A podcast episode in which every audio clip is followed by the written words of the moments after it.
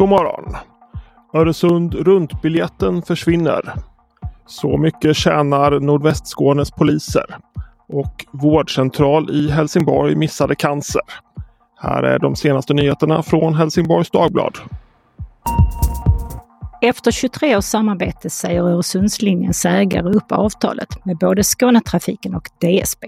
Det betyder att Öresund runt-biljetten går i graven, liksom möjligheten att köpa månadskort hos Skånetrafiken för att Sundspendla med färja.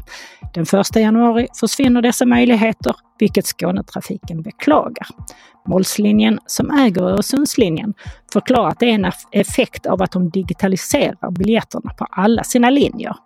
Det betyder att en resa till exempel till Luciana kräver att man köper biljetter i tre olika appar. Öresundslinjens presschef hoppas att man någon gång i framtiden ska kunna koppla samman systemen igen. En kvinna i 30-årsåldern var orolig för en knuta i armhålan, men på vårdcentralen i Helsingborg fick hon rådet att avvakta. Läkaren på vårdcentralen tog hjälp av en mer erfaren kollega som bedömde att knutan var godartad och berodde på en inflammerad svettkörtel.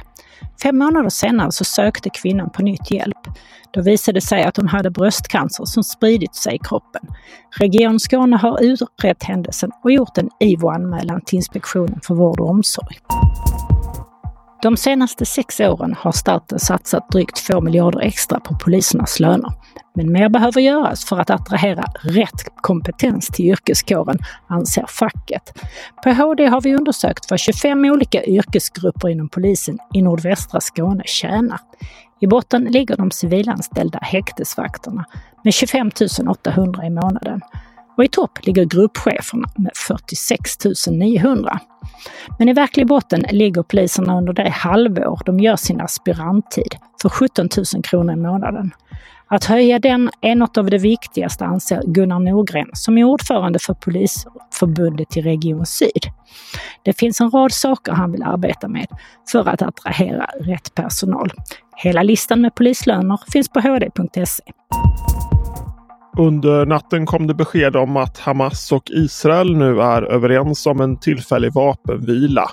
Det innebär också att ett antal ur den eh, av Hamas tagna gisslan ska släppas.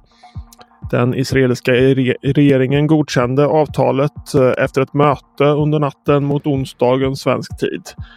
Uppgörelsen innebär att omkring 50 personer som hålls gisslan av Hamas ska släppas. Detta mot att Israel går med på en fyra dagar lång paus i striderna. Pausen kommer att förlängas med en dag var för var tionde gisslan som släpps enligt eh, Israels e-, regering. Det råder dödläge i konflikten mellan elbilstillverkaren Tesla och eh, IF Metall. Enligt IF Metalls medlare Kurt Eriksson har eh, Elon Musk personligen beordrat det svenska Teslabolaget att man inte får teckna kollektivavtal. Därmed är förhandlingarna helt fastkörda. Parterna har inte träffats sedan den 6 november. På tisdagen meddelade också fackförbundet Elektrikerna att man nu utökar sina sympatiåtgärder i Tesla-konflikten. Vädret.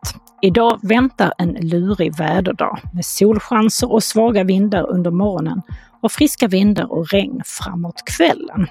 Dagen blir till största delar mulet. Den sydvästliga vinden ökar från 2 meter per sekund under förmiddagen till 7-8 mitt på dagen och 12 framåt kvällen. Då finns det också risk för snöblandat regn. Temperaturen ligger på mellan 3 och 4 grader. Det var allt från Helsingborgs Dagblad den här morgonen. I studion Torbjörn Wester och Yvonne Johansson. Läs mer på hd.se. Vi hörs!